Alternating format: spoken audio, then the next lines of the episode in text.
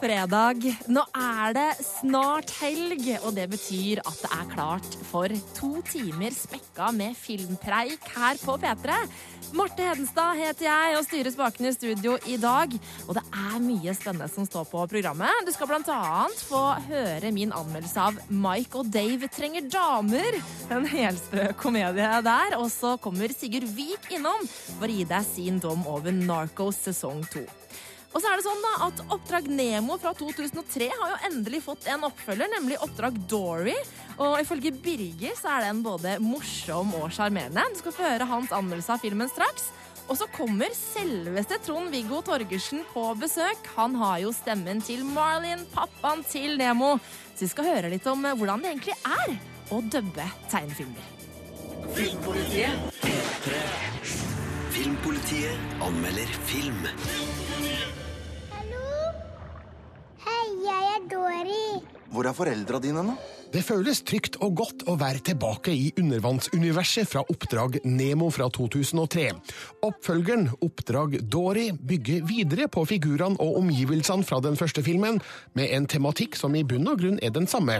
Det handler om en familie som må finne sammen igjen, i en historie som spiller elegant på separasjonsangsten som både foreldre og barn kan ta og føle på i kinosalen. Det skader heller ikke at Oppdrag Dory er full av spretten humor og morsom action, som er med på å gjøre det her til nok en gullfilm fra Pixar. Hei! Har mista familien. Hvor så du dem sist, da? Har glemt det. Tittelen avslører hvem som er hovedfiguren denne gangen. Den blågule fisken Dory, faktisk er hun en palettkirurgifisk, sliter fremdeles med korttidsminneproblemer, men nå husker hun plutselig bruddstykker fra fortida som gjør at hun svømmer av gårde for å finne foreldrene sine. Klovnefiskene Marlin og Nemo følger etter, og det blir en farefull ferd der flere overraskelser og uventa vendinger ligger på lur. Dory, der er du! Her pass det! Animasjonen i Oppdrag Dory ligner veldig på den i Oppdrag Nemo, sjøl om teknologien er 13 år nyere. Dette gjør universet svært gjenkjennelig. Oppdrag Nemo har levd et godt liv i stua, barnerom og bakseter i feriebiler, så det er nok et bevisst valg av regissør Andrew Stanton å lage oppfølgeren i samme stil som den første. Det er pent der nede, men kan òg være mørkt og skummelt, derav seks års aldersgrense. Følelsen av liten fisk i stort vann er påtagelig, og fremheves ytterligere med forsiktig bruk av 3D. Vennen vår er kidnappet og brakt til vannede sted der! Det er et fiskesykehus. Vi stifter bekjentskap med flere nye figurer i Oppdrag Dory, samtidig som vi får gjensyn med noen gamle kjente. Alt dubbes dyktig til norsk, heldigvis fremdeles med Trond-Viggo Torgersen som Marlin og Siv Anita Andersen som Dory, mens blant annet Dennis Storhøy, Sigurd Sollien og Paul Ottar Haga leverer andre stemmer. Cecilie Skog stemmelegger faktisk seg sjøl i en gjennomgående vits som kanskje blir i overkant mye brukt. Mamma! Pappa! Er bare å velge to, så drar vi nå. Pappa, da? Hva da? Jeg fleiper. Oppdrag Dory er, som så mange andre oppfølgere, ikke riktig like god som originalen. Det er kanskje umulig å matche følelsen av å bli introdusert for et helt friskt univers med helt nye figurer. Oppdrag Nemo var òg et par hakk mer morsom med et bedre skrevet manus. Men Oppdrag Dory er smekkfull av sjarm, breddfull av vidd og har en fartsfylt handling med stø kurs fremover. Det her er altså mer enn godt nok fra Pixar. Et lite tips til slutt. Se hele rulleteksten for en liten bonus. Hei, du! Hei, kan du hjelpe meg? Terningkast fem. Og jeg har også vært og sett eh, Oppdrag Dory denne uka, og er helt eh, enig med Birger. Dette er en ny gullfilm fra Pixar. Og som du kanskje hørte, så er det jo Trond-Viggo Torgersen som har stemmen til Marlin, pappaen til Nemo i filmen.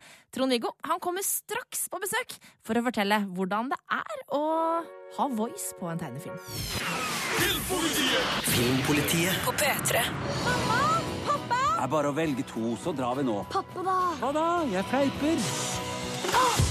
Og jeg tror at de hysjer på oss av en grunn. Snakker du om noe med et stort øye, tentakler og et nebb? Vel, det var jo veldig detaljert, men noe i den duren. Her hørte vi lyd eh, fra den filmen som har kinopremiere i dag, nemlig Oppdrag Dory. Og nå har jeg fått besøk av Trond-Viggo Torgersen. Velkommen til Filmpolitiet. Å, så fint. Her er det bra. Her er det bra, så trivelig. Eh, og du, altså, når jeg hører navnet ditt, Trond-Viggo, så jeg er jo barn av 80-tallet, så altså, mine tanker går jo rett til programmet Kroppen toppen, ikke sant? Det har Bra. vært en sterk del av min oppvekst. Men, men nå skal det jo da handle om at eh, du har stemmen til Marlin, pappaen til Nemo i Oppdrag eh, Dory. Ja. Ja, og du hadde jo eh, den samme stemmen til Oppdrag Nemo da den kom for 13 år siden. Jeg var litt forbauset over at det var gått 13 år Ja. allerede. Altså, Det føles ikke ut som at det har gått så lang tid. Men hvordan syns du det var å plukke opp den samme rollen såpass lenge etterpå, da? Uh, du går til Altså, det å dubbe ting er veldig spesiell jobb, må jeg si. Altså, du, du skal jo gi et slags norsk liv til, eh, til, til den figuren som, som snakker amerikansk stort sett i utgangspunktet. Og det er, eh, det er rart. Eh, Mye handler om språket og stemningen i språket, og, og stemningen i stemmen, selvfølgelig. Men det skal også matche med, med sånn som denne figuren oppfører seg. Og da har jeg jo lært etter hvert at det er veldig lurt å se på øynene for å få til den stemningen som er i, i tegnefilmen. Ja, for at øynene sier noe om eh, følelsen til, eh, til tegnefiguren. Veldig ofte mest å se på øynene, ikke så mye på, som på bevegelsene. Eh, og det gjør at det er ikke så umulig å bli en fisk. Ja, for Er det noe sånn spesielt tankesett du må putte deg i når du skal være stemmen til en fisk? Nei, det syns jeg ikke. Det er rart. Sånn, det er jo noen ting som er snodig, for at fisken snakker og puster under vann, og blir veldig andpusten når den kommer over vann. Så det er litt sånn omvendt. Men eh, ellers, så, ellers er det stort sett å, å høre etter Jeg hører etter han der Albert Brooks, som han heter, som Ja. da gir stemmen til Marlin på amerikansk. Og han, eh, han er nok litt bredere i språket eh, enn det jeg er. eh, Og så snakker han jo veldig amerikansk. Så, og det dukker opp et problem når han sier en ting er at når han sier nei, for da kan jeg no, mener jeg, og da kan jeg si nei på Ja. For det ser omtrent likt ut i munnen. Men hvis han sier no, så blir nei veldig annerledes bruk av munnen. Så da må jeg finne et annet ord sammen med regissøren, da. Ikke sant? Ja, For da eh, Det er ikke du som bare kan på, på ren måfå finne på dine egne ord, da. Det er i samarbeid. Ja, jeg- det er Harald Mæle som har den norske regien på dette her, eh, som er en god gammel venn av meg. Vi var hallo-damer sammen. Så, eh, så det, det, er- det, det Og vi er veldig opptatt av språk begge to, sånn at det, er, det skal være konsekvent, og så skal det være veldig fornorsket. eh, og og gå så noenlunde med leppesynken som mulig. altså Skal ligne veldig på det det ser ut som man sier på amerikansk. Og det, der er det veldig mye å, å gå på på de fleste stedene, og så er det veldig lite å gå på på andre steder. Ja. Eh, Og Harald Mæhle han er jo en sånn slags nestor når det kommer til dubbing av Ah, tegnefilm. hjelpe meg, altså. Ja, eh, altså Er det noen sånne spesielle teknikker han på en måte har lært deg eh, for å drive med det her? Han eh, særlig Altså, det er veldig mye skriking her. Altså, det er fisk møter øh, dunker i, hval, dunker i Altså blir tatt av fugl. Altså, det er veldig mye rart som skjer i filmen. Og da har han bare lært meg å skrike på, øh, på ulikt vis. På, altså bare skrike på veldig mange forskjellige måter, og så, så plukker vi det som ser ut som det passer best. Oh, ei, boom, Så det er det veldig mye sånt. Veldig rare lyder å lage, å stå alene i et studio og, og late som man liksom lever seg veldig inn i dette her. Men Ja. eh, det, er, det er gøy. Ikke sant? Ja, men For du står alene i et studio, ja, for det er noe jeg har uh, lurt litt på. nemlig, Og det vil jeg gjerne at vi skal snakke litt mer om hvordan det egentlig er i et sånt uh, dubbestudio. Filmpolitiet.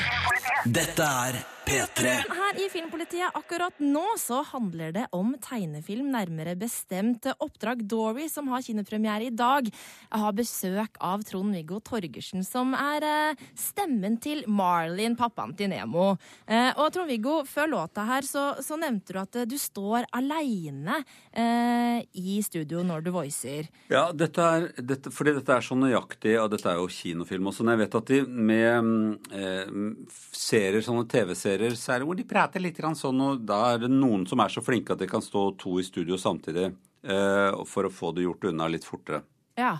Men her pirker vi oss nok fram og står alene. eh, sånn at jeg til og med denne gangen ikke har Jeg har ikke truffet eh, Nemo, sønnen min. Det er jo veldig rart Du har å ikke spille. truffet din egen sønn? Nei, jeg vet faktisk ikke hvem det er engang. For at forrige gang var det Stinus Maurstad. Han, men han er blitt 24 år nå, så det, han har ikke den samme stemmen lenger. Nei. Så nå har de vel funnet en annen. Men eh, jeg har truffet Siv Anita, og vi er liksom, jeg kjenner henne litt, så det er jeg forestiller meg jo hennes stemme samtidig som jeg dubber Nem, eller uh, min figur, da. Ja, for Siv Anita Andersen har da stemmen til Dory. Ja. Eh, men dere har ikke vært i studio sammen? Nei, vi har ikke dubbet sammen. Nei. Eh, Det har vi ikke gjort. For det er rett og slett at man er det sånn at man tar liksom én setning av gangen og ett ord av gangen? Altså, er Ah, det så pirkete? Ja, så pirket er det ikke, men uh, du tar kanskje en, en hel replikk veldig mange ganger. Noen ganger går jo flere replikker samtidig, men noen ganger så er det så pirkete du, hvor du skal ta pausen i forhold til hvordan de beveger seg. Det går ikke an å flytte alt rundt, men noen ganger så flytter de bare lyden, litt rundt og tar det litt forover litt bakover. Så det, det er jo sånn de redigerer det samtidig på et vis. Men, eh, men det er nok mye mer pirkete enn folk tror, ja. Ja, eh, Men altså, du har jo gjort litt grann, uh, sånne voicing før. Altså, du har jo gjort Oppdrag Nemo, som vi nevnte. Og så var det også stemmen i Var det pappaen i Modig? Eh, også Ja. Knutsen og Ludvigsen har du vært med på. Ja. Eh, er det morsomt, da? Ja, det er morsomt. Eh, Det er pirkete og morsomt. Eh, Det er det å leve seg inn i. Det som er veldig rart, er at man gjør jo man har jo ikke tid til å se hele filmen, og den er jo ikke ferdig når du gjør den. Noen ganger gjør man den på sånn kladdeark, på en måte. At lyden er ferdig, men, eh, men filmen er ikke helt eh, animert ferdig. Ja. Så modig gjorde jeg på noen sånne kladdeting hvor, ikke, hvor det var litt svart-hvitt av og til og litt sånt noe. Mens, eh, med, og Knutsen og Ludvigsen, der lagde jeg jo originallyden, så da hadde jeg bare en tegning å forholde meg til, og litt action og sånt noe. Så det er ganske ulik type jobber. Når man gjør sånne ting som dette her, så er det mye mer sånn finarbeid. Det ligner litt på, litt på å, på å si, restaurere et bilde, tror jeg. Man pirker ganske mye. Så blir resultatet bra til slutt. La oss håpe. Ja, jeg syns i hvert fall det. Men du, eh, du har jo barnebarn eh, Ja. nå. Mm. Eh, Er det morsomt å, å se tegnefilm som du har stemmen på sammen med dem, eller? Vet du hva, nå i kveld skal jeg se denne filmen sammen med tvillingbarnebarna mine, og de er nå blitt seks år. Og jeg gleder meg til å se, se den sammen med dem, for at reaksjonen deres er jo spennende. Den, den gamle Nemo-filmen, den har jeg jo også sett sammen med barnebarna når de var litt yngre, og da En av dem syntes det var så skummelt når haien kom at eh, at, at jeg rett og slett eh, kunne ikke gjøre det. Og den andre krabbet opp på fanget mitt og bare satt og holdt meg. Jeg tror ikke han eh, har noe særlig forhold til at det er min stemme. Det er mer eh, det, er mer det at det er man, det, man lever seg jo så inn i det. Det gjør jeg også. Jeg glemmer at det er jeg som har denne stemmen etter en stund. Ja, det gjør det. Ja. Det er ganske fascinerende. Men Trond-Viggo, da må du ha det veldig gøy på kino i kveld Ja, det skulle jeg ønske alle andre også. Ha det gøy på kino. For det er virkelig sånn, det er sånne allmenne ting som om det å bli alene. Og eh, noen ganger der så tenkte jeg å stakkars henne. Mm. Eh, og det gjør jeg som voksen også, så det er lett å leve seg inn i. Anbefales eh, fra oss i Filmpolitiet også. Oppdrag Dory fikk altså terningkast frem av eh, Birger Vestmo. Trond-Viggo Torgersen, tusen takk for at du kom i studio. Takk skal du ha. Filmpolitiet.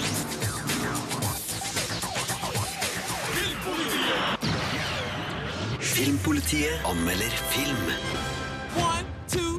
Get loose now. We're fun dudes. We're the coolest guys at the family event. Mike og Dave trenger damer er en grovkorna komedie som er veldig løst basert på virkelige hendelser. Filmen overrasker aldri, men vil likevel få deg til å trekke på smilebånd. We're looking for girls that our mom and our sister would like. We're gonna look respectable as fuck. Brødrene Mike og Dave, spilt av Adam Devine og Zac Efron, er familiens sorte får.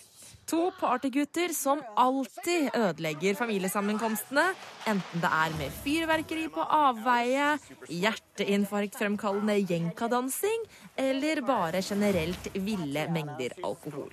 Når lillesøster Jeannie skal gifte seg i Hawaii, må de derfor ta med seg et par ordentlige damer som kan holde dem på bakken. Problemet er bare at de to jentene de finner etter en heftig kontaktannonserunde, i virkeligheten er alt annet enn lærerinnen og finanskvinnen de gir seg ut for å være. Alice og Tatiana, spilt av Anna Kendrick og Aubrey Plaza, er nemlig to party-stoner-hobbyalkoholikere som er ute etter en gratis reise til Hawaii. La festlighetene begynne. Looks like a fucked up waffle. Like the waffle that the chef would just go, we're, we're throwing that away. Det hadde ikke vært noen sak å slakte Mike og Dave trenger damer. Filmen viker aldri fra den vante malen til helsprø, småromantiske komedier. Du vet hele tiden hva som kommer til å skje, og du blir aldri overraska over vendingene som kommer. Skuespillerne og manusforfatterne forsøker også å sjokkere deg med grovkorna humor som spiller på nakenhet og sex, uten at dette føles verken nyskapende eller sjokkerende. Filmen reddes imidlertid av sjarmørparet Divine og Efron. Mye av humoren er improvisert, og de to gutta har svært god kjemi og upåklagelig komisk timing. Kendrick og Plaza er også morsomme, og jeg liker spesielt Plaza, som gjør det hun kan best, nemlig å være spydig og frekk.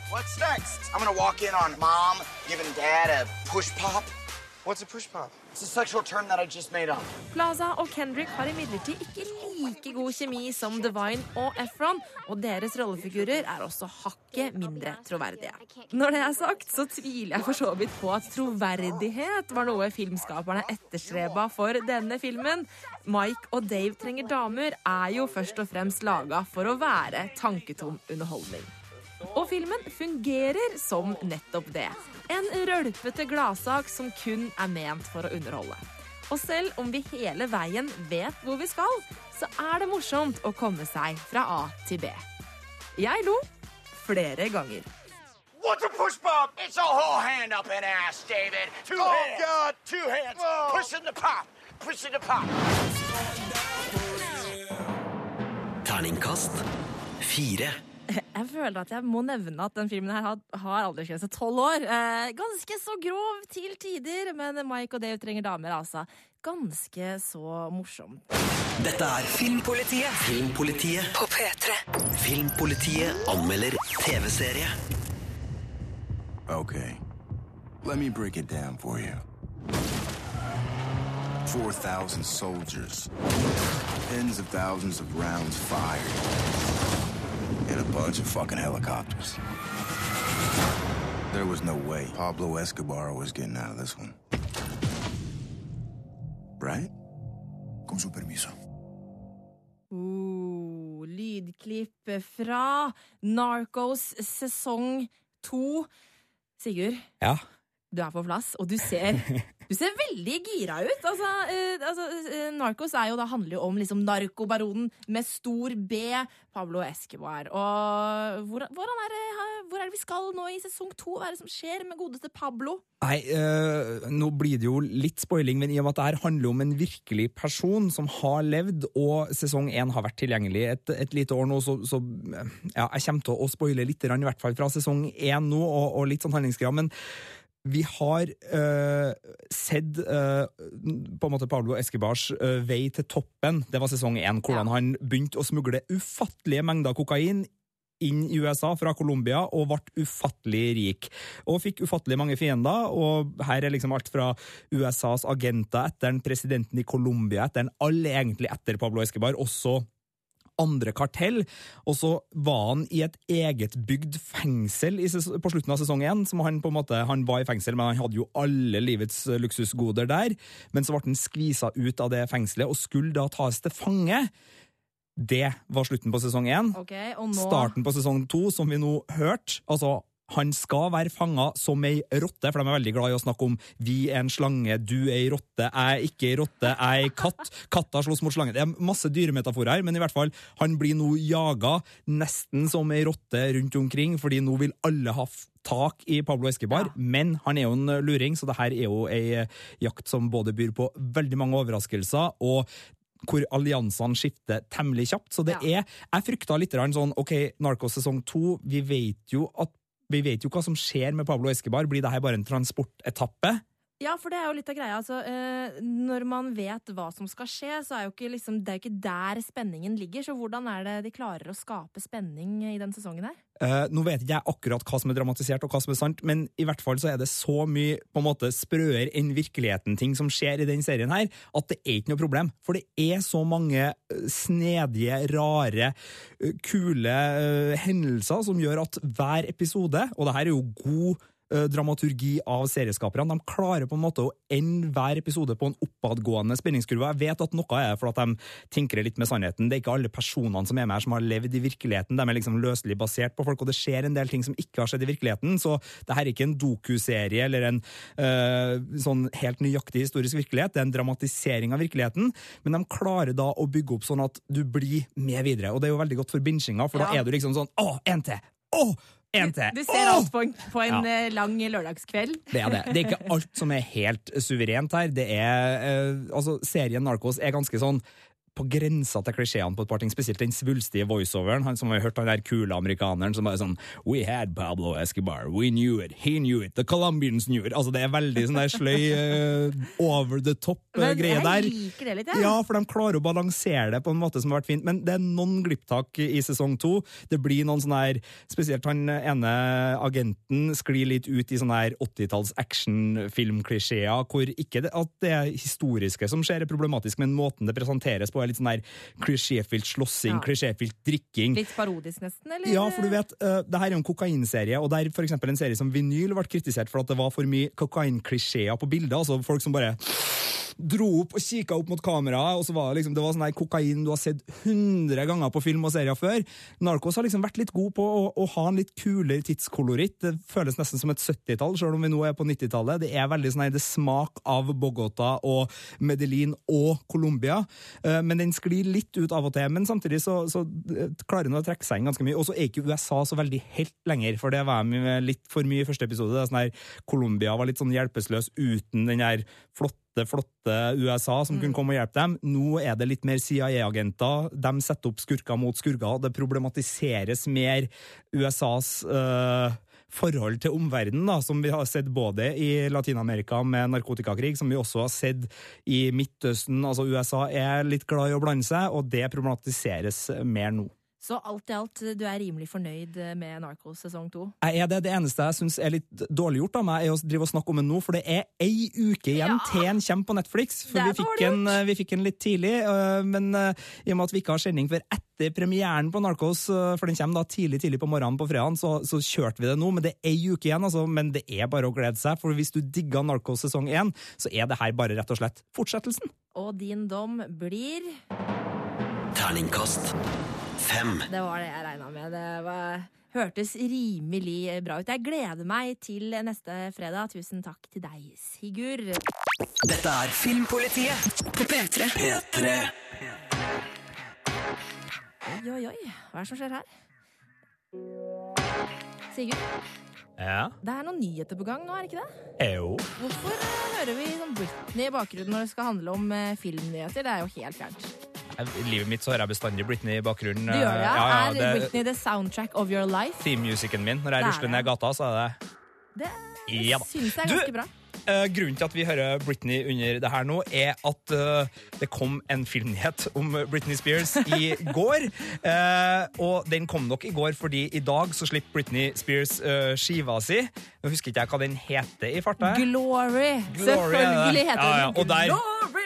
Shattering of Glass. uh, er ikke så god på Britney. Men Britney Spears skal få sin egen film. Det er uh, de litt uglesette gjengen i Lifetime som skal lage en Britney Spears-biopic uh, med da Natasha Bessett i hovedrollen som okay, Britney Spears. ok, for Når du sier Britney Spears skal få sin egen film, da tenker jeg tilbake på den, der, den, den gamle filmen hvor hun sang det I love rock and roll. Husker du det? Nei, hun, en, hun spilte hovedrollen i en film. Jeg husker at hun gjorde det, men Ja. jeg holdt meg ganske langt unna det. Jeg så henne i How I Met Your Mother, der jeg hadde en gjesterolle uh, sammen med uh, gode skuespillere der. Og hun er jo ikke forferdelig på, på filmsida, men uh, ja, nei, jeg har holdt meg Ja. ganske mye unna Britney på film. Men det her er da ikke en film som Britney har sagt to tomler opp. Jeg Ja. gleder meg til at dere skal lage en. Hun er ikke om bord, så det her blir nok da en film som kanskje da er litt sånn Hvem var det du sa skulle spille henne?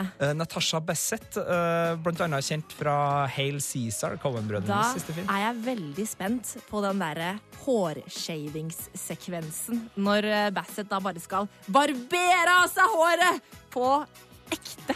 Spent på hvem som skal spille Justin Timberlake. Ja, det her, Kanskje det blir Justin Timberlake? Ja, det, her er, det, her er, det her er fantastisk. Jeg, jeg heier eh, på, på filmen om Britney Spears. ass. Det blir artig å se filmen om Britney Spears. Det blir artig. Men fra Britney skal vi over til noe som på en måte er helt, helt andre enden. Eh, Det skal på én måte. Altså, ja, altså det skal handle om to sjukt eh, sterke karer. Eh, Vin Diesel og, eh, og godeste The Rock har jo hatt en sånn skikkelig beef på gang eh, under eh, innspillingen av den nyeste Fast and Furious-filmen. Det er i hvert fall det som har kommet ut i media. Eh, The Rock har kalt en medskuespiller for en candy ass. Og så viste det seg Og så- at det var ja, så, eh, så har det kommet opp rapporter da i, i media. Du, jeg merker jeg, må, jeg er veldig på sladrepress-nyhetskjøret Ja, i dag. Men, ok, det blir Britney, det, ja. men i hvert fall, det har vært en, en, en angivelig en feide da mellom The Rock og Vin Diesel ja. på settet til uh, Furious 8, denne her bilfranchise-serien, hvor også Kristoffer Hivju, vår egen Kristoffer Hivju, er med og spiller i den filmen. Uh, men nå har det kommet uh, en ny eh, lekkasje fra settet, en insider, som sier at det ikke er sikkert at det har vært en krangel mellom The Rock og Vin Diesel, for det her kan hende at det er et lite PR-stunt, altså en reklamegreie, fordi eh, sånn rett før, eh, eller ikke rett før, men altså før eh, Fast eh, 8 har eh, premiere, så er det også WrestleMania 33! Okay. Eh, en pay-per-view WWE-greie, det her. Og The Rock er jo en gammel wrestler, så, så ryktene nå da sier, og en insider skal visst ha sagt, at det her er et PR-stunt som ender i en wrestlingkamp mellom The Rock og Vin Diesel. Muligens. det. Det her er ikke sikkert, folkens. Og hvis det skjer, så betyr det jo ikke at det ikke var konflikt til å begynne med. Det kan jo være en cover-up, men det kan jo også være et veldig veldig smart PR-stunt. Vi vet ikke, vi i Filmpolitiet, men vi er glad i rykter, spesielt når de kommer fra Uniten Blass, så vi viderebringer dem. Det her var da uh, Screen Rant og Life and Style som hadde de her nyhetene om The Rock og Vin Diesel. Jeg håper at det er sant. Uh, vi, skal, Ja, ja. vi skal snart ha litt mer nyheter. Kanskje ikke fullt så ryktebaserte, Sigurd, men uh, først Skal, jeg må tone den Tone ryktebaseringa. Okay. Men ja. vi skal høre litt mer musikk før vi kjører i gang med det. Surf-a-lot og Everybody Needs Somebody.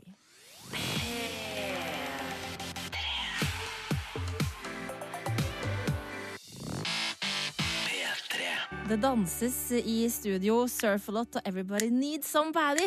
For en koselig låt! Mr. Sigurd Vik eh, og meg selv, Marte Hedenstad, som eh, nå har det nesten tatt helg. Eh, men før den låta her så drev vi og snakka om at Britney har en eh, film på gang. Eller det skal lages film om henne. Og så, hva var det den filmen het igjen som hun spilte i og sang I Love Rock'n'Roll? Internett sier den het Crossroads, Marte Hedenstad. Crossroads var det den het. Ja. Knallfilm! Uh, Hvis du sier det. Du jobber i Filmpolitiet, så det, du har din mening, og det er helt, helt bra. Det er bra. Ja. Men det er ikke det det skal handle om nå. Nei. Eh, For nå skal det handle om TV-serier eh, som eh, får inspirasjon fra storebror, eh, nemlig filmen. ja. Det er en liten farsott for tida om kjente filmer som blir til TV-serier. Det er både utvikling av Dødelig våpen skal bli TV-serie, Eksorsisten skal bli TV-serie, Taken skal bli TV-serie, det er snakk om at Rambo skal bli TV-serie, og det har jo funka før, og det er jo ikke første gangen Altså Fargo. Kjempe-TV-serie. Ash vs. Evil Dead. Kjempe-TV-serie. Det er så bra. Hannibal. Kjempe-TV-serie. Og du vil ha sånn? Jeg vil ha, jeg vil ha, jeg vil ha jeg, jeg, jeg, jeg glemte å trykke på det. Ja, Men du nå får sånn vi det. Ja. Okay, ja, men og nå da- kan da- du si mer sånn okay. kjempe-TV-serie. Ja, ja, ja. Kjempe-TV-serie. Så, så konseptet er ikke nytt, og siste skudd på stammen, eller siste mulighetene her nå, er at Husker du gangsterfilmen The Departed? Om jeg husker gangsterfilmen The Departed, det var vel filmen som eh, endelig ordna den derre Oscaren eh, til Martin Scorsese for eh, Var det regi, eller var det beste film? det var- Nå spør du jo internett må svare, men at det var en Ja. bra film, i hvert fall, med Matt Damon og Ja, ja, Leonardo ja, ja, DiCaprio og Jack Nicholson og sånn. Skikkelig spennende. Best director, ja. Det var Best. Director, Mm. som du husker, Marte Henstad. Ja, ja, som ei ugle. Eller en elefant. Nei, ja, eller en gullfisk. Eh, du, eh, den skal nå bli utvikla til en TV-serie. Det er Amazon som tidligere har gitt oss Transparent og eh, Mozart in the Jungle, og begynner å bli en skikkelig eh, ja, player på, på scenen sammen med Netflix og HBO og de andre serieutviklerne. Det er dem som nå har tatt tak i The Departed, og det er vel mer konseptet som skal bli en TV-serie, og ikke på en måte den samme Så det blir ikke en Nei, fortsettelse av filmen. Nei. de skal ikke lage filmen på nytt i TV-serieformat. Nei, det er konseptet med en muldvarp i hver leir som er det som skal, skal tas tak i, så da blir det jo ganske spennende å se det. Så The Departed, uh, muligens TV-serie. Jeg syns det er artig. Jeg gleder meg til å Jeg tror Dødelig våpen kommer allerede nå i høst som TV-serie. Kan, Altså- kan bli artig. Det, det kan bli artig, og det kan, Kan også bli, bli katastrofalt. Jeg krysser fingrene for at det blir gøy. Uh, Det gjør vi alltid. det gjør vi alltid. Men det siste vi skal snakke om, Ja. I kveld. Det er storkvelden. Det er Ja. jo kvelden over alle kvelder når det gjelder eh, norsk film. Det er jo derfor vi har helgefølelsen så tidlig. For Yes. i kveld er jo ikke bare en hvilken som helst fredag. Det er Amanda-fredagen. Filmfestivalen i Haugesund har snurra godt denne uka. Der har Yes. Birger vært og levert massevis av anmeldelser. Dem er det bare å gå på p3.no filmpolitiet og lese, forresten. Det er massevis av anmeldelser der. Og så kommer jo da Jakob Oftebro ut for å lede Amanda-showet i kveld. Det går på TV2 klokka 22.15.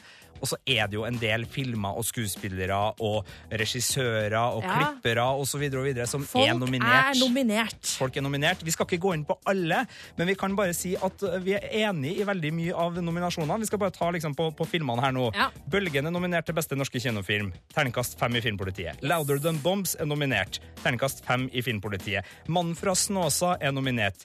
Terningkast fem i Filmpolitiet. Og hvis vi går på barnefilmene, Knutsen og Ludvigsen og Den fæle Rasputin er nominert. Terningkast fem i Filmpolitiet. Doktor Proktors Tidsbadekar er nominert. Terningkast fire i Filmpolitiet. Og Solan og Ludvig herfra til Flåklypa er nominert. Terningkast fem i Filmpolitiet. Så at det står mellom gode filmer, det er det ingen tvil om. Få det med deg klokka 22.15 på Ja, TV2. det, det er ikke ofte vi reklamerer sånn direkte for Nei, å se TV2, når, men når det det er her sånne kvelder som det Ja. er, så må vi reklamere, altså. 22.15. Få det med Jakob. Oftebro på scenen. Det blir Åh, så bra. Ta på deg svartdress. Eller kjole. Eller jeg gleder meg. Få, sprett champagnen. Å, gjør det! Altså, det blir så bra. Sigurdvik, Marte Henstad. tusen takk for at du kom i studio. Filmpolitiet Filmpolitiet anmelder film. Jeg er for det. Men barnet lever. Det er ingen barn. Løvekvinnen er en sympatisk historie om annerledeshet, tilhørighet og løsrivelse. Vibeke Idsøs film har gode prestasjoner i sentrale roller, som gjør figurene godt definerte og med klare funksjoner i historieoppbygginga. Enkelte sekvenser lukter riktignok litt av gammel norsk film, der dialog avleveres stivt og teatralsk. Filmen kunne òg med fordel hatt et større driv og energi, men helheten er prega av godt håndverk, med en overbevisende tidskoloritt og miljøskildring, samt en klar dramaturgisk fremdrift som gjør at Løvekvinnen aldri blir direkte kjedelig. Hvis det virkelig ingenting din kan gjøre. Dessverre. Vi må bare håpe at det faller av. Filmen er basert på den kjente romanen av Erik Fosnes Hansen, og historien starter i 1912 i en udefinert stasjonsby et sted nær svenskegrensa. Der blir et jentebarn født med hår over hele kroppen. Vi følger Eva gjennom tre stadier av oppveksten, spilt av henholdsvis Aurora Linseth Løkka som barn, Mathilde Tomine Storm som ungdom og Ida Uskin Holm som voksen. Det handler om livet som annerledes, forholdet hun har til faren Gunnar, spilt av Rolf Lassgaard, og barnepiken Hanna, spilt av Kjersti Tveterås, og kampen for å bryte ut av et skjerma og innestengt liv. Hun skal aldri nærmere fønsteret enn det. Forstått? Jeg forstår. Filmen har en overflødig fortellerstemme, der den lille Eva deler tanker og betraktninger som åpenbart er skrevet av en voksen. Figuren fungerer bedre når vi ser hun i interaksjon med den lille kretsen hun har rundt seg. Eva er forbausende uttrykksfull, sjøl om ansiktsmimikken i stor grad skjules av håret. De tre som spiller hun uttrykker mye ved hjelp av andre teknikker, med øynene som sitt fremste våpen. Dyktige Kjersti Tveterås gjør òg en herlig rolle som barnepiken Hanna, en fyrig og bestemt mellomkvinne i den lille familien. Og bak dem står bautaen Rolf Lassgaard, som nok en gang leverer solid og overbevisende spill. Hans skildring av lavmælte, men eksplosive Gunnar viser han som en hard mann av den gamle skole, men som glimtvis avslører sin dype kjærlighet for sin datter, samt vilje til å gå langt for å beskytte hun. Fantastisk. Alle de her hårene, når forsvinner de? De forsvinner aldri. Noen av scenene med mobbing og utfrysing fra samfunnet rundt er litt haltende skildra og altfor milde i formen. Barn blir aldri riktig engasjert eller tilstrekkelig forbanna. Her burde historien vært skrudd hardere til for å vekke publikum. Løvekvinnen er kanskje derfor en litt for pen og pyntelig film, men den diskuterer en tematikk som er evig aktuell. Det handler om å stikke seg ut, jakten etter skjønnhet, vennskapsbånd og forhold mellom en forelder og et barn. Vibeke Idsø regisserer sitt eget manus godt, der historien aldri går seg bort i et stort persongalleri eller mister fokus i et bredt tidsspekter. Noe er nødvendigvis komprimert, endra eller strøket fra Erik Fosnes Hansens roman, som nok kan merkes i visse sekvenser, men Løvekvinnen står stort sett stødig på egne ben som film. Om jeg bare hadde vært like pen som deg. Terningkast fire. Det var Birger Vestmo som hadde sett Løvekvinnen, som har kinopremiere i dag, hvis du har lyst til å få den med deg. Filmpolitiet Does that sound good to you? på P3. Filmpolitiet anmelder film.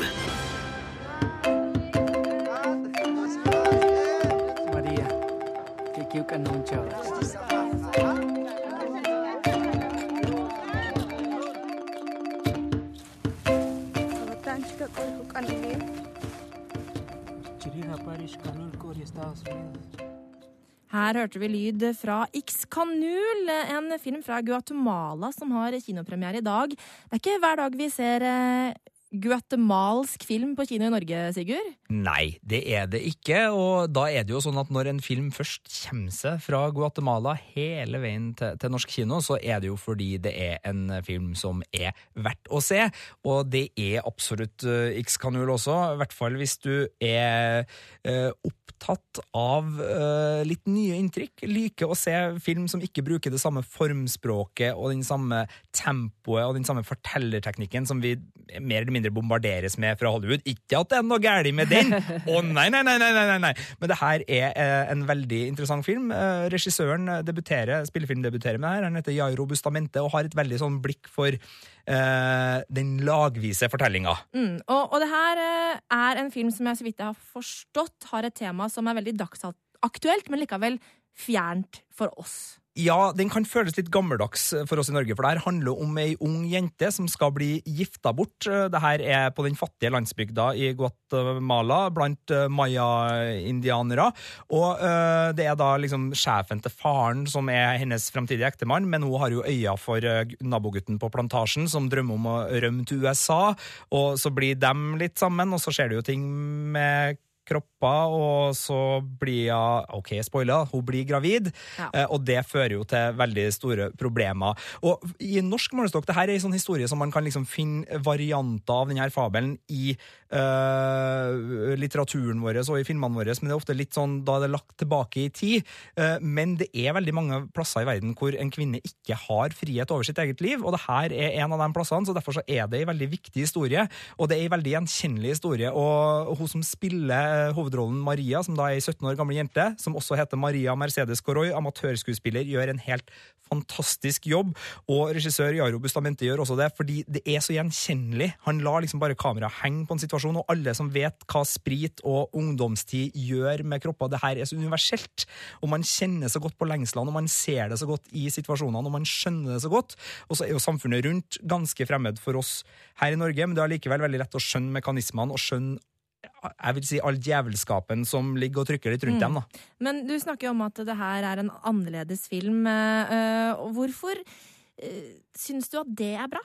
Eh, Det er eh, altså eh, New is always better. Annerledes, nei, ja. det det at annerledeshet er bra, men det her er bra på, annerledes på en veldig bra måte. Det er noen uh, veldig uh, naturnære komposisjoner, bilder som bare viser veldig mye, og så trekkes kameraet unna, og så ser du nye ting som kommer inn i bildet, og som utvider situasjonen. Så det er et veldig sånn uh, behagelig filmspråk som, som gir veldig mye. Og så er det en del brutalitet. Griseblod som plutselig spruter over skjermen. Den er sjokkerende også. Sjokkerende også, og det blir dom fra Sigurd. Terningkast fire. Hør flere podkaster på nrk.no podkast. P3.